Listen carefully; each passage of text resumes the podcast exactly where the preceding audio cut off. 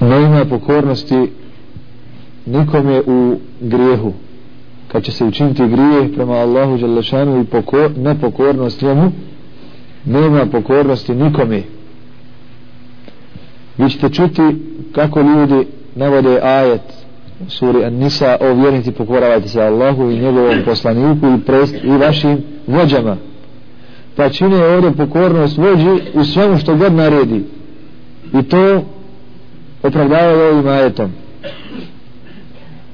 A poslanik alaihi salatu wasalam kaže pokornost je samo u dobru.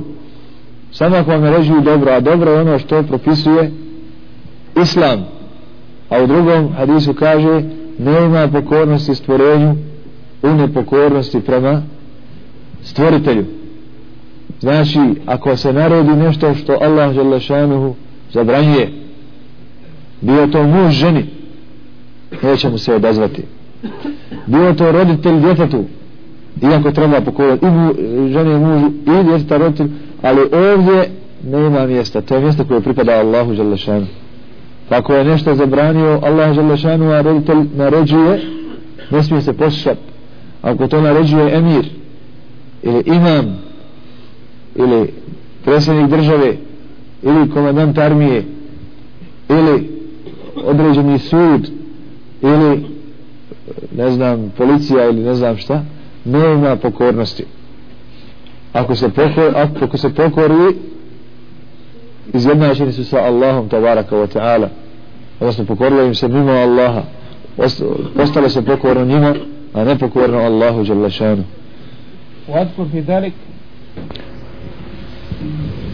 desio se slučaj sa ashabima kada je poslanik alaihi salatu wasalam Abdullaha ibn Huzafu učinio je mirom jedne grupe i poslao ih na zadatak pa su ga oni naljutili.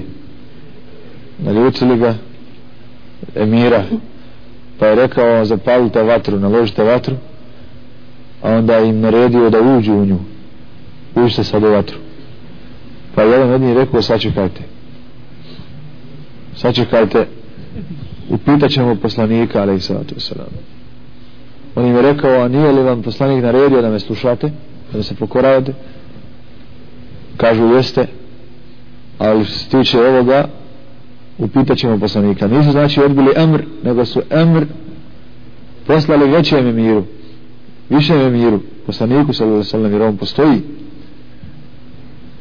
Pa su to ispričali poslaniku alaihi salatu wasalam i rekao im je svima i u stvari rekao je ovaj koji je iznio primjedbu mi nismo ušli u islam izbog će drugog nego da se sačuvamo vatre.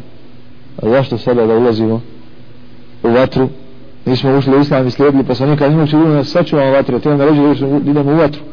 Pitat ćemo o tome poslanika pa je poslanik ali se to sam rekao da ste u nju izašli ne, ne, da ste u nju ušli ne biste nikada izašli. Pokornost je u dobru pokornost je u dobročinstvu. To je pravilo u životu i odnosima muslimana